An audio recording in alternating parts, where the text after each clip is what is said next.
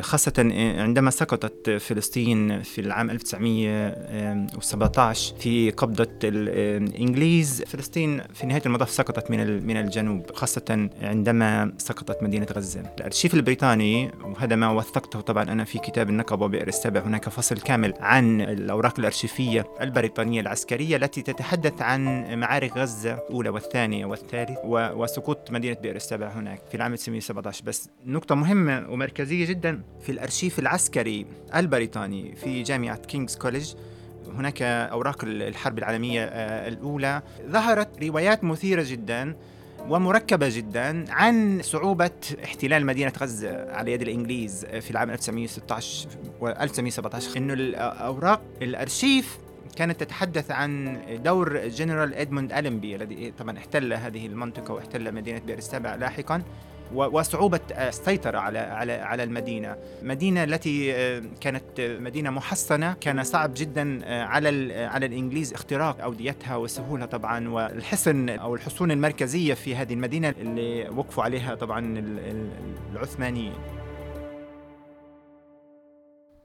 تحياتي للجميع في كمان حلقة من بودكاست الميدان. أنا عبد أبو شحادة عبر موقع عرب 48 بس زي دايما قبل ما نبلش ما تنسوش تتابعونا عبر جميع تطبيقات البودكاست سبوتيفاي ابل جوجل أنغامي بتلاقونا هناك أو ممكن تسمعونا عبر تطبيق وموقع عرب 48 واليوم معي في التسجيل دكتور منصور النصاصرة. يعطيك العافية أستاذي. أهلا أهلا. عبد تحيات طيبة لك وليافا وللجميع. دكتور منصور النصاصرة أستاذ بالعلوم السياسية والعلاقات الدولية ومدرس في جامعة بئر. السبع دكتور منصور النصاصرة كاتب وباحث ولديه عدة كتب. الكتاب الأخير عن بدو النقب وبير السبع مئة عام من السياسة والنضال هي تاني مرة بنسجل مع الدكتور منصور النصاصرة. آخر حلقة ركزنا عن النقب ولكن اليوم بسبب الحرب على غزة بدنا نركز عن مدينة غزة وقضاء غزة من نهاية الفترة العثمانية لحد فترة الانتداب البريطاني. فأستاذي خلينا نبلش في سؤال عن ما هي أهمية مدينة غزة تحديدا في سياق وجودها في جنوب فلسطين؟ تحياتي طيب آه للجميع و آه آه، أينما كنتم في في في في في في بلادنا طبعا وفي الوطن العربي وفي الشتات. طبعا آه، الحديث عن غزة في هذه الفترة هو حديث آه، يعني ليس سهل صراحة لما مرت وتمر به المدينة من دمار وحروبات مستمرة هي تعيدنا إلى فترات تاريخية مختلفة. يعني هذه المدينة مدينة الساحل الفلسطيني مدينة غزة هي يعني في دراساتنا المختلفة عن عن جنوب فلسطين وعن مدن الساحل الفلسطيني وحتى عن قضاء غزة.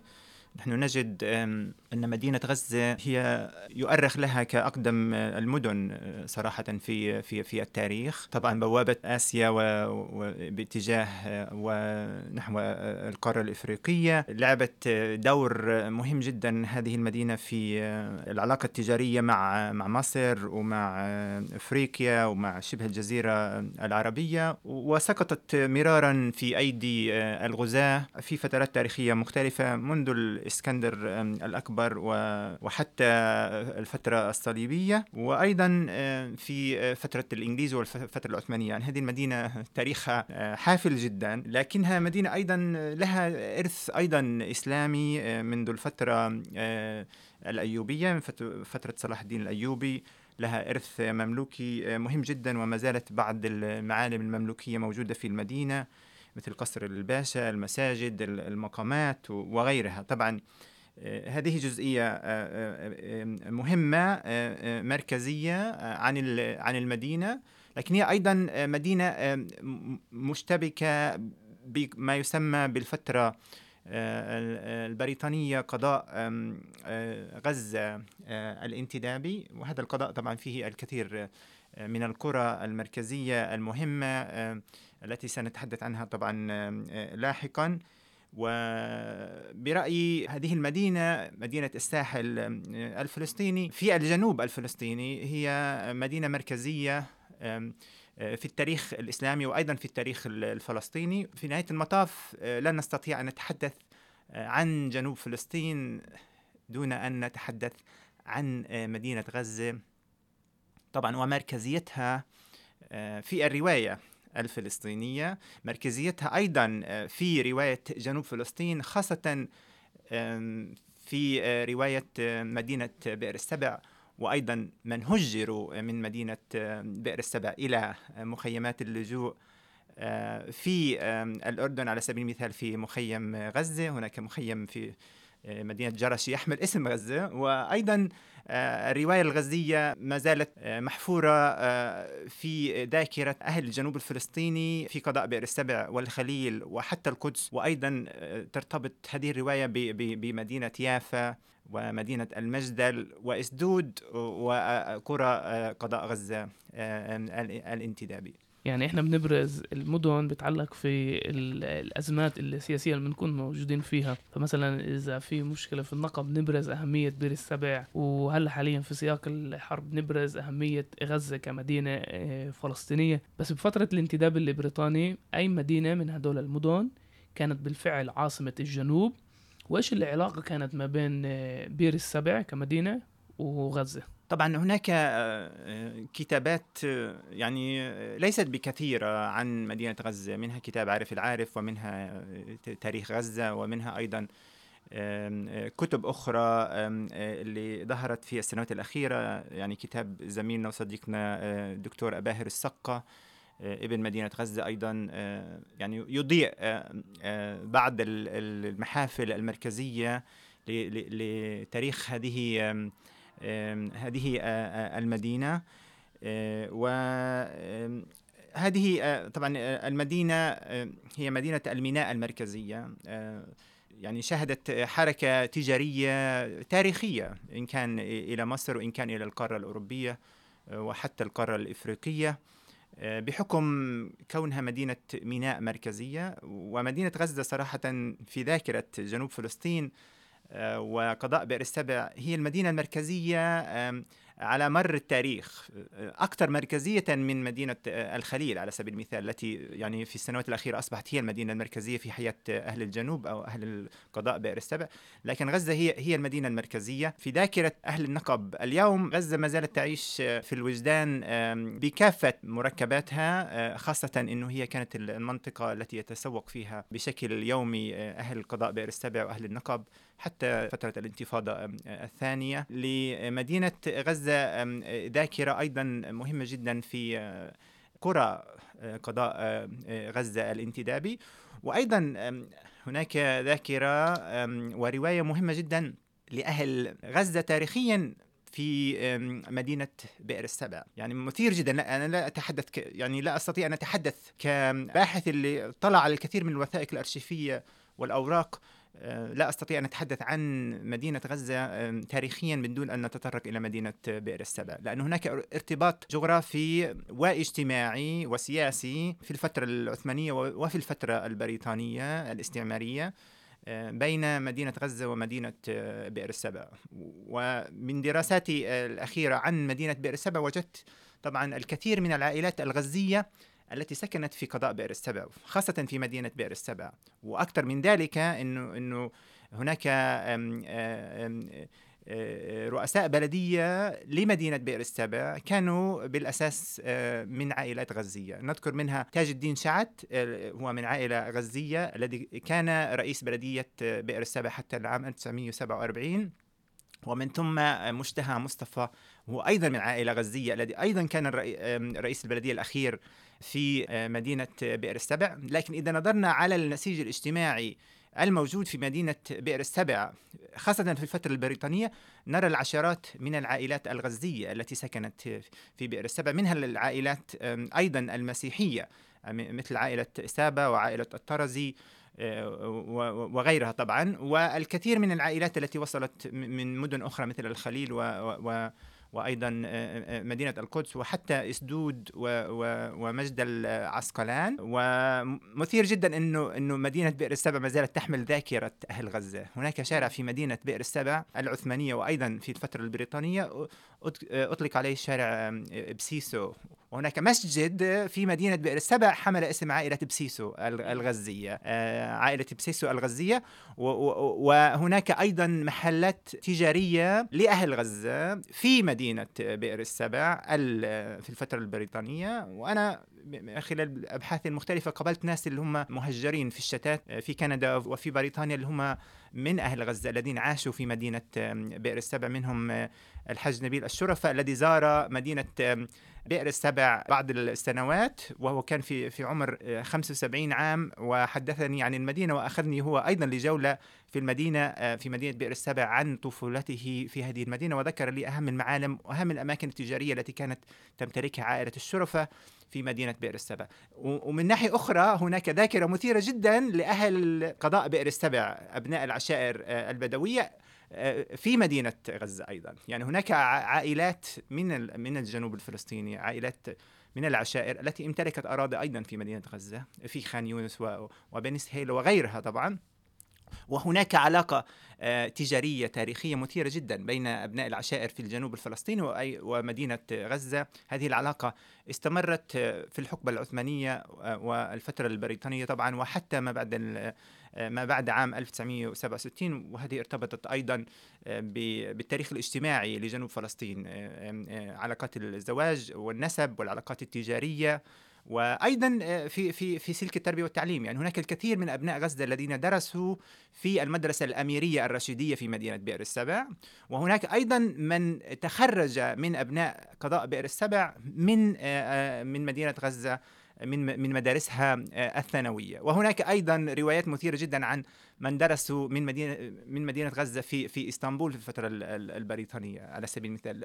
لكن هذه علاقة مثيرة جدا اللي هي آه، تحت مسمى المدينة في آه، الجنوب الفلسطيني. منها آه، رواية غزة ورواية بئر السبع والخليل والقدس ومنها روايات أخرى لعلاقة مهمة جدا قضاء قضاء غزة الانتدابي طبعا.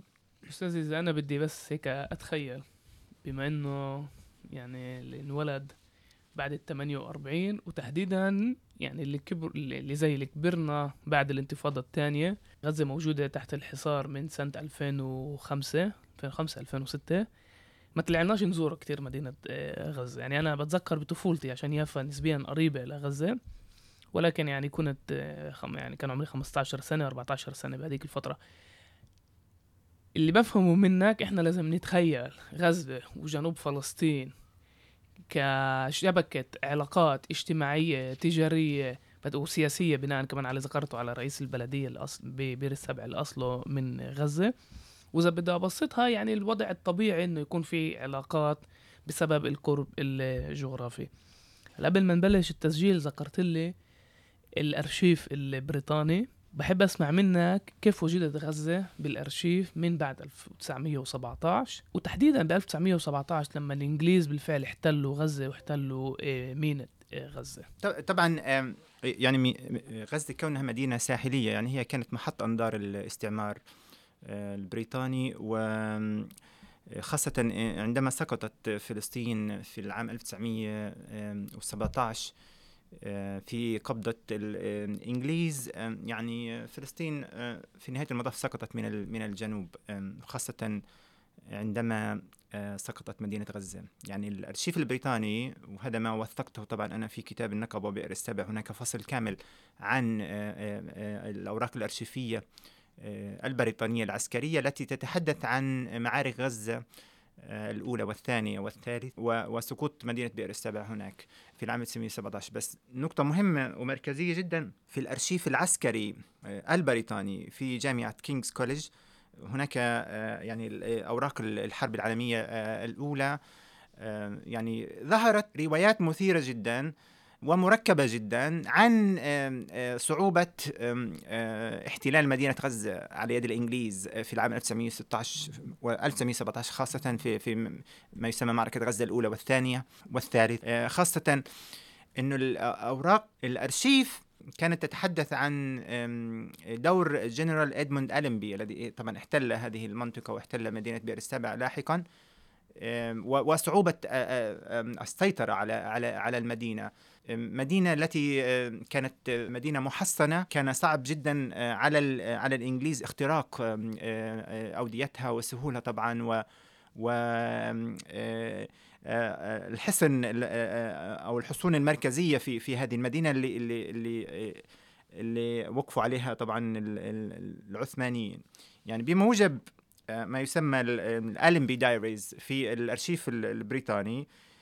كان هناك حديث مركب جدا عن محاولة جنرال إدموند ألمبي مرارا طبعا تزعم الجيوش البريطانية لاحتلال مدينة غزة وظهرت هناك صورة أرشيفية مثيرة جدا. يعني ما زلت أتذكر هذه الصورة اللي هي صورة الجيش البريطاني اللي هو جيش ألمبي على تل الشريعة. هذا التل المطل على على مدينة مدينة غزة. وتمركزت هذه القوات فترة طويلة هناك لكونها لم تستطيع طبعا الوصول إلى إلى مدينة غزة أي إلى مشارف المدينة. كما نرى في في طبعا في الحرب في الفترة الأخيرة وهي رواية مشابهة طبعا لما حدث في العام 1917 يعني كانت هناك المعركة معركة غزة الأولى ومن ثم معركة غزة الثانية. والحديث عن 4000 قتلى من الجنود الإنجليز في معركة غزة الأولى و7000 من الإنجليز قتلوا على مشارف مدينة غزة في العام 1917 في معركة غزة الثانية كما يحدثنا طبعا الأرشيف البريطاني وخاصة أوراق الجنرال إدموند ألمبي واعترف ألمبي كقائد القوات البريطانية الاستعمارية في هذه المنطقة بقسوة المقاومة التركية ضد الإنجليز وحلفائهم أثناء محاصرة مدينة غزة وأيضا محاصرة مدينة بئر السبع. فالإنجليز أيضا ذاقوا مرارة الخسارة في الحرب العالمية الأولى على مشارف مدينة غزة. يعني غزة سقطت في المعركة الثالثة معركة غزة الثالثة.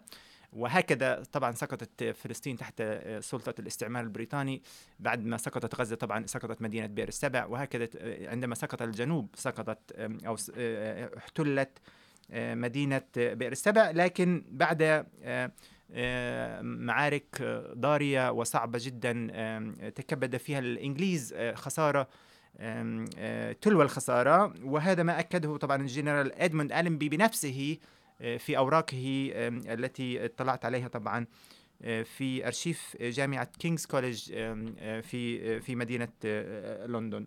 طبعا ومن ثم طبعا عندما سقطت غزة كانت سقوط مدينة بئر السبع ووصل بعدها ألمبي طبعا إلى إلى إلى مدينة القدس واستطاع احتلال المدينة مدينة القدس وهكذا أصبحت فلسطين تحت سيطرة الاستعمار البريطاني.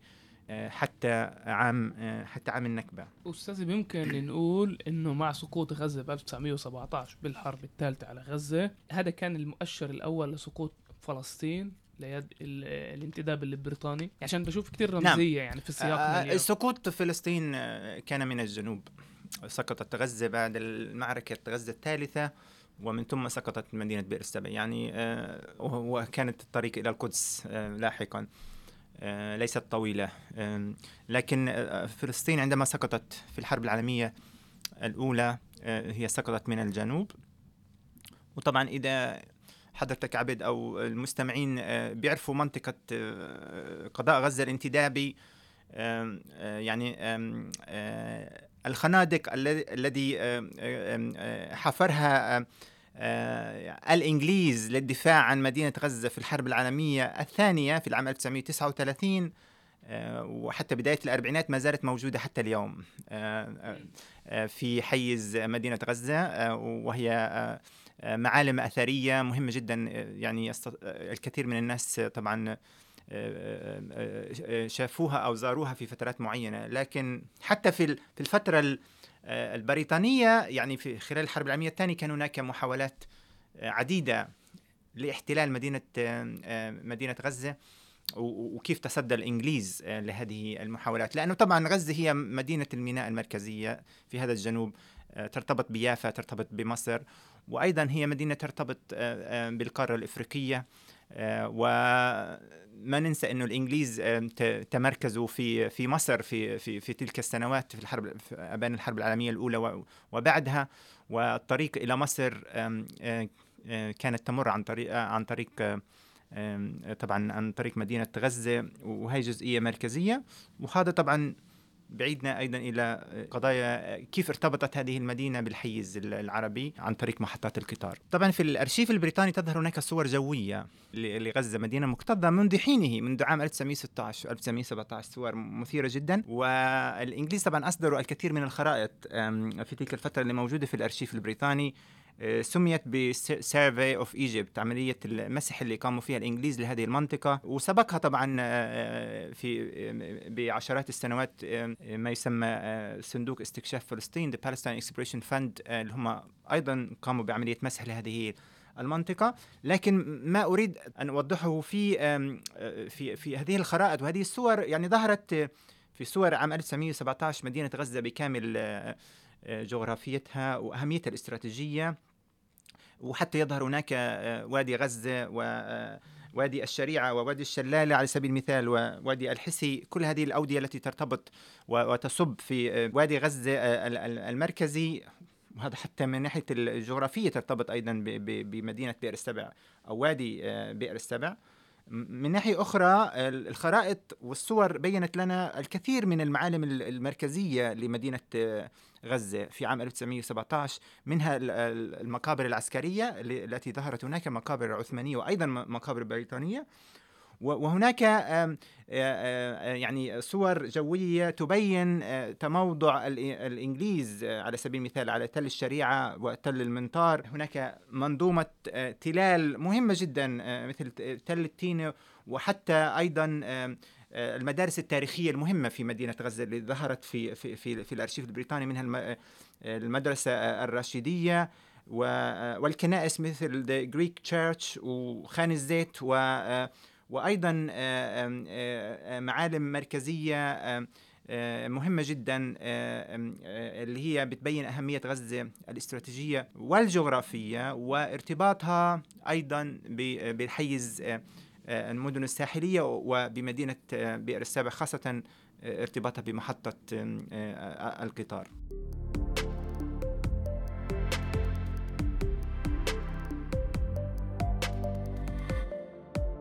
هلا أنا كنت بخطط أسألك على سكة الحديد الحجاز. زي ما أنت ذكرت مكانها الجغرافي لغزة جدا مهم بين القارة الأسيوية والقارة الأفريقية وكمان الميناء الموجودة وكمان أهميتها المسيحية. بدي تشرح لنا شوية على علاقة غزة في العالم العربي عن طريق سكة الحجاز وأهميته في موضع غزة كمدينة عربية ليس فقط مدينة فلسطينية.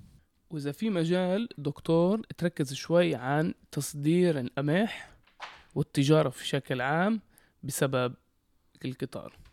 طبعا آه، آه، شغلتين مهمات عبد في في هذا في هذا الجانب. آه، بداية غزة هي مدينة مدينة الميناء ومدينة تجارية مهمة جدا. اللي لعبت دور مركزي في تصدير آه، القمح والشعير خاصة تصدير الشعير من جنوب فلسطين آه، اللي هي منطقة خصبة جدا في حسب الروايات الأرشيفية في تلك الفترة. آه، نتحدث عن تصدير الشعير آه، في تلك الفترة أو في نهاية الحقبة العثمانية ما يقارب 38 ألف طن آه، من الشعير في العام 1908 تم تصديره إلى آه، بريطانيا إلى اسكتلندا. وهناك روايات أيضا أن هذا شعير جنوب فلسطين وصل ليس فقط إلى إلى بريطانيا مستعمراتها أيضا وصل إلى المستعمرات الفرنسية في الجزائر. وهذا هذا يوحي بأهمية شعير جنوب فلسطين. آه، آه، والزراعة في في في هذا الجانب. وأيضا جزء كبير من الصناعه ما يسمى آه، الزراعة البعلية وأيضا منتجات التبغ وصلت إلى أسواق القاهرة عن طريق ميناء ميناء غزة. وهناك رواية بما نتحدث عن عن يافا دوما هناك رواية مثيرة جدا في الأرشيف تتحدث إنه كمية تصدير شعير جنوب فلسطين عن عن طريق ميناء غزة في نهاية الفترة العثمانية وبداية الفترة البريطانية فاقت نسبة تصدير برتقال يافا إلى الأسواق الأوروبية. وهذه مثيرة جدا بالنسبة لي كما ظهرت في, الأرشيف العثماني وأيضا في الأرشيف البريطاني. هذا من الناحية التجارية ومركزية طبعا ميناء غزة في تلك الفترة.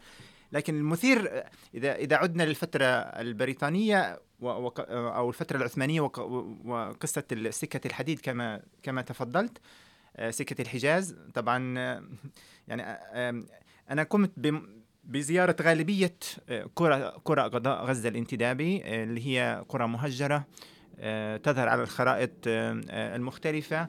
وتظهر هناك في إحدى القرى المهجرة وهي قرية قريبة جدا على على مدينة غزة اللي هي قرية باسم دير سنيد. هذه القرية ما زالت محطة القطار العثمانية أو جزء من سكة القطار سكة الحديد العثمانية ما زالت موجودة حتى اليوم.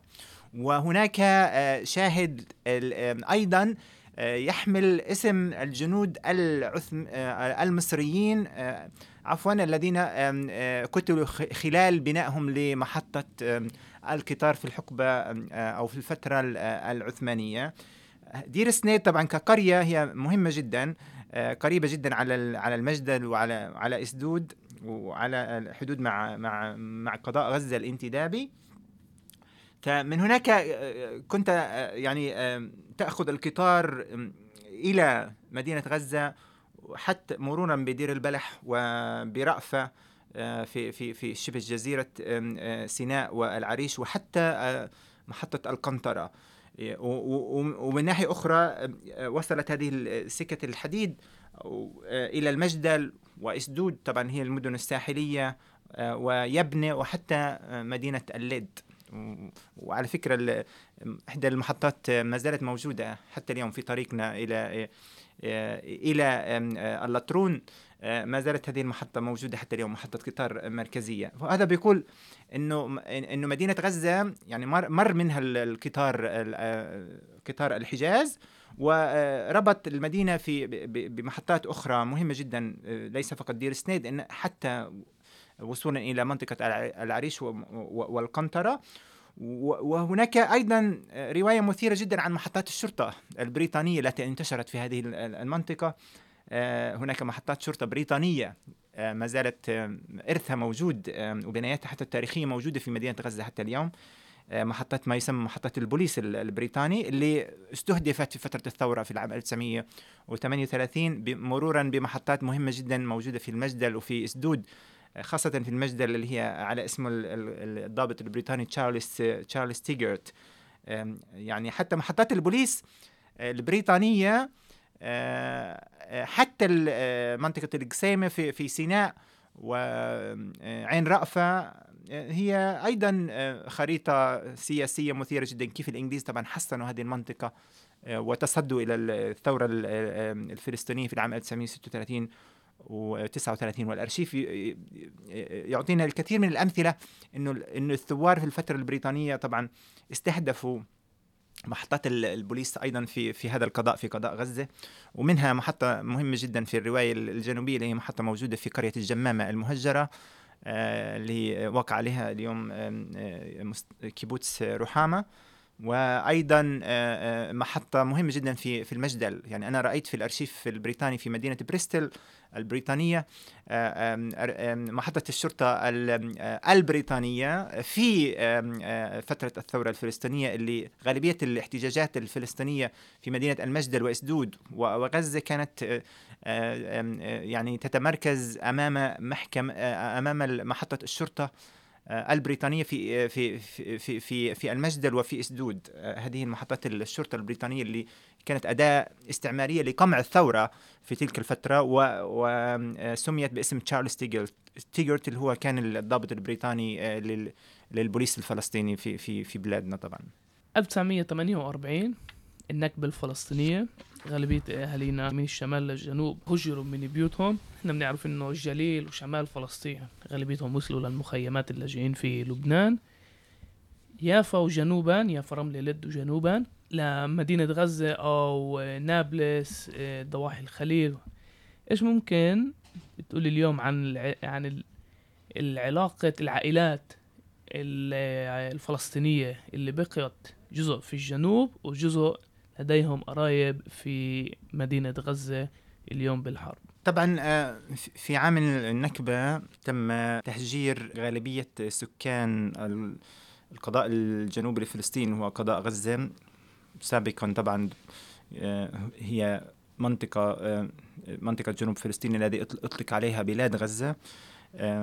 في عام النكبة غالبية أهل مدينة بئر السبع على سبيل المثال حتى منهم طبقة التجار ال- الغزية وأهل الخليل والقدس.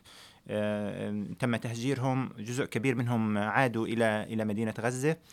وجزء آخر آم، من أبناء العشائر. طبعا المنطقة ما يسمى النقب الغربي اليوم هي مناطق كانت جزء جزء من سكان هم من من أهالي قضاء بئر السبع من ال- العشائر ال- البدوية أيضا.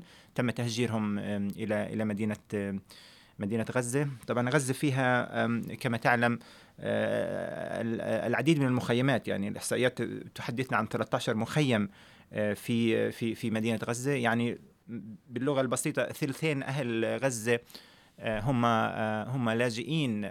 وهذه مأساة كبيرة والكثير منا لا يعرف هذه هذه ال- ال- الحقائق. إنه إنه إنه غالبية أهل قضاء أو أهل مدينة غزة اليوم هم هم لاجئين ومهجرين من قراهم جزء منهم من مدينة بئر السبع وقرى قضاء مدينة بئر السبع وجزء جزء آخر هم من من قضاء آه، الانتدابي. البلد فيها أكثر لاجئين من السكان الأصليين اللي كانوا هناك عايشين قبل ال 48 اللي كانوا لازم يمروا النكبة والنكسة والانتفاضة الأولى والانتفاضة الثانية والحروبات على غزة ما بعد 2000 و 2009 وفوق. طبعا إحنا يعني أنا كأحد اللي بحث جزء جزء كبير من هذه ال- القرى ف- يعني الآن نتحدث عن عن قضاء غزة الانتدابي وليست عن مدينة غزة فقط. يعني غالبية غالبية من تم تهجيرهم من قضاء غزة الانتدابي يعني هجروا إلى إلى مدينة غزة. طبعا عندما نتحدث عن عن قضاء غزة الانتدابي يعني نحن نتحدث عن الكثير من ال- من من القرى اللي هي تم تهجيرها إلى آه، غزة وجزء منهم طبعا وصلوا حتى إلى يافا وإلى اللد وإلى الرمل آه، لاحقا. آه، نتحدث إحنا عن عن قرى مركزية مثل المجدل مجدل العسقلان ونتحدث عن مدينة إسدود طبعا. ونتحدث عن قرى في هذا القضاء مثل قرية حمامة مثل قرية جولس مثل قرية برير وبربرة. والكثير من القرى في هذا القضاء قضاء غزة ال- الانتدابي تم تهجيرهم إلى إلى إلى مدينة مدينة غزة.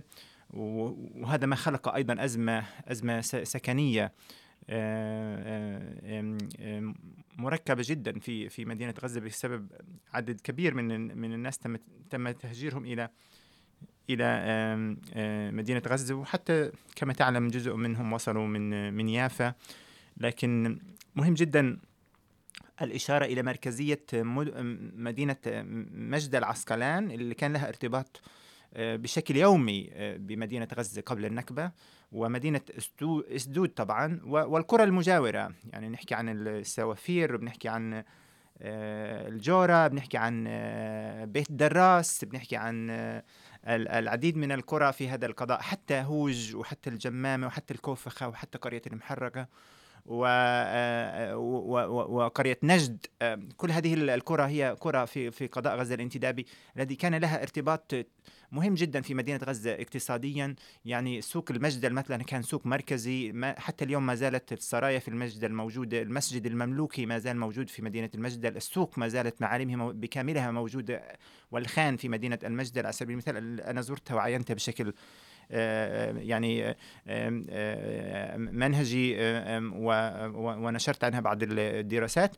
وحتى مسجد المدهون على سبيل المثال ما زال موجود في مدينة المجد ال- آم، آه، حتى اليوم.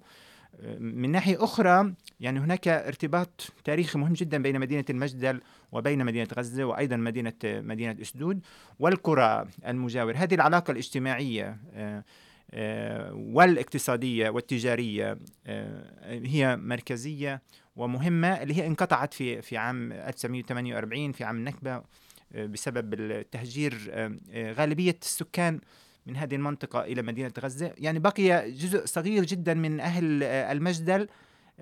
بعد النكبة في في نحكي عن 3000 شخص والإحصائيات حكت عن حتى عن 5000 شخص اللي هم تبقوا في مدينة المجدل. حتى عام 52 آه، أو بعد النكبة بسنوات قليلة ومن ثم تم تهجيرهم لاحقا. يعني هناك تبقى عدد سكان مثير جدا. لكن كما تعلم إنه هناك روايات آه، مصرية أيضا. هذه المنطقة كانت تحت يعني سيطرة مصرية قبل النكبة يعني دارت فيها معارك صعبة جدا. آه، هذا القضاء خاصة في جولس وأيضا في على مشارف مدينة إسدود وفي المجدل أيضا. ومن هناك معارك صعبة جدا في في عام النكبة في عراق عراق السويدان ولاحقا الفلوجة وعراق المنشية أيضا. فمنطقة مثيرة جدا جغرافيا وأيضا كان فيها الكثير من الأحداث التاريخية في في عام النكبة. وما بعد النكبة طبعا الحقبة المركزية في تاريخ غزة كانت بعد النكبة كانت الحقبة المصرية اللي هي طبعا السيطرة المصرية على على على منطقة غزة حتى عام 1967 بعد عام 1967 طبعا احتلت الضفة الغربية واحتلت غزة والقدس وبدأت تتبلور العلاقات بشكل آخر بعد عام النكسة بين سكان النقب اليوم وبين أهل مدينة غزة وكان هناك علاقات يومية علاقات يومية بين بين أهل غزة وبين على سبيل المثال أهل النقب وخاصة مدينة رهط اللي كان فيها سوق مركزي في تلك الفترة.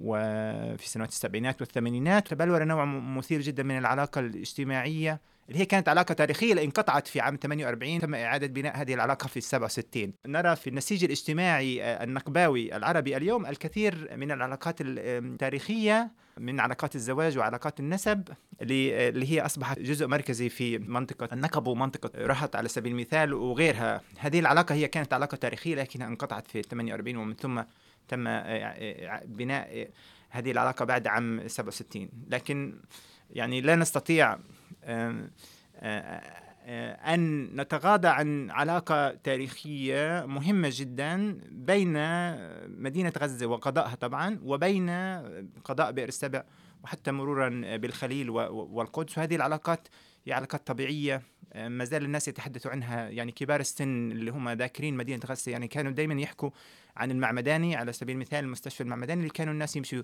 على على على المستشفى المعمداني في مدينة غزة للعلاج. يعني ناس من أهل مدينة بئر السبع أو قضاء بئر السبع وأبناء العشائر كانوا يمشوا بشكل دوري على المعمداني وأيضا على السوق المركزي. وجزء حتى يتذكروا المستشفى أو المسجد العمري. وحتى السوق وسوق السمك على سبيل المثال في في مدينة آه، غزة. و ذاكرة اللي ما زالت موجودة أيضا في في في الأردن. هناك مخيم يحمل اسم غزة في في في في, في مدينة جرش يعني. أستاذي اولا الله يعطيك العافية. إذا في مجال بس هيك نلخص في جملتين.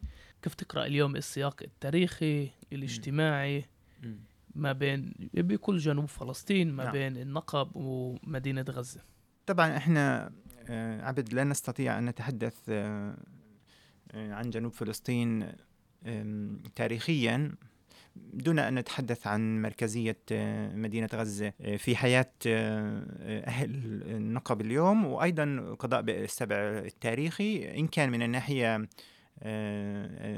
الاجتماعية العلاقات الاجتماعية الوطيدة وجزئية أخرى أن جزء من أهل قضاء بئر السبع وأهل النقب تم تهجيرهم أو إلى مدينة غزة.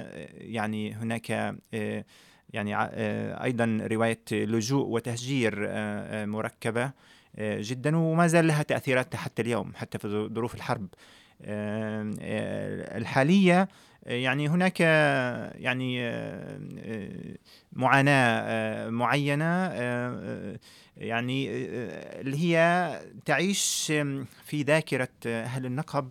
عندما نقول عن مركزية مدينة غزة في حياة النقب تاريخيا وبالمراحل التاريخية المختلفة خاصة كل ما يتطرق لمدينة بئر السبع. والعلاقات الاجتماعية والاقتصادية التاريخية إن كان في الفترة العثمانية أو البريطانية وحتى في فترة ما بعد عام 67 هذه العلاقة كانت قائمة بين بين النقب وقرى النقب على سبيل المثال ومدينة غزة حتى حتى قبل الانتفاضة الثانية. يعني هناك من يتذكر عن يعني الكثير من الروايات عن تاكسيات غزة اللي هي كانت تاكسي وسيارات الخدمة التي كانت تمر من مدينة غزة حتى إلى إلى مدينة بئر السبع وحتى مدينة رهط. وهذه التاكسيات كانت توصل إلى مدينة القدس. هذا الحديث عبد حتى كان موجود حتى قبل عام 2000 اللي هو الانتفاضة الثانية. يعني نحن كنا نشاهد تاكسيات غزة على سبيل المثال موجودة في مصف السيارات في أمام باب العمود. وهذا بيقول في القدس هذا بيقول إنه العلاقة التاريخية بين يعني مدينة القدس مرورا بالخليل وبئر السبع وغزة هي هي علاقة أيضا اقتصادية وأيضا تجارية وأيضا اجتماعية وما زالت تعيش في في ذاكرة أهل النقب وقضاء بئر السبع حتى اليوم. وخاصة إنه كما تحدثت سابقا إنه حتى قبل عام عام 2000 كان هناك طبقة من التجار من مدينة غزة اللي كانوا بيوصلوا لمدينة رهط بشكل بشكل أسبوعي طبعا لاقتناء منتوجات الألبان وأيضا اللحوم وذاكرة السوق على سبيل المثال في مدينة رهط. تحدثنا الكثير عن هذه العلاقة التي استمرت حتى عام 2000 وطبعا انقطعت منذ منذ حينه. لكن في في رواية الناس وفي ذاكرة الناس اجتماعيا واقتصاديا هذه المدينة مدينة الميناء المركزية ما زالت تعيش. رغم الكوارث ورغم الحروبات ورغم الوضع المأساوي اللي طبعا بتواجه المدينة وواجهته واجهته طبعا تاريخيا هذا فقط يحدثنا عن عن مركزية هذه المدينة الاستراتيجية جيوسياسية وأيضا في ذاكرتنا نحن كشعب. أستاذي الله يعطيك العافية وبدي أعطيك معلومة. إذا بيطلع لك تزور مدينة يافا وبتمشي في شارع الحلوة توصل لجنينة اسمها الاسم الرسمي حديقة الاثنين. اليفوية بسموها حديقة الغزازوة. ليش؟ سيدي أبو الوالدة كان عنده محطة تاكسيات اللي كانت توصل العمال من غزة ليافا ومن يافا لغزة. هذا الحكي اللي عند سنوات الثمانين ومع الوقت العمال كانت تجتمع حد الحديقة واليفوية أعطوا الاسم للحديقة مم. جنينة الغزازوة. هلا المجتمع الإسرائيلي بيعرفش إيش قصدنا لما بنقول جنينة الغزازوة بس اليفوية بيعرفوا. وهذا بدل على شبكة العلاقات الاجتماعية والتجارية وحتى السياسية الموجودة في كل أنحاء البلاد مع الاحتلال وكمان بدون الاحتلال. يعطيك العافية. شكرا على وقتك. شكرا. شكرا, شكرا لك عبد ولمدينة يافا. ونلتقي قريبا. هو تعرف أستاذي إنه دائما بنتقدوني إنه بكل حلقة لازم أذكر مدينة يافا. وأنا صرت اعتمد على الشيء يعطيك العافية وهي كانت كمان حلقة من بودكاست الميدان. وزي دايما ما تنسوش تتابعونا عبر جميع تطبيقات البودكاست سبوتيفاي أبل جوجل أنغامي أو ممكن تسمعونا عبر تطبيق وموقع عرب 48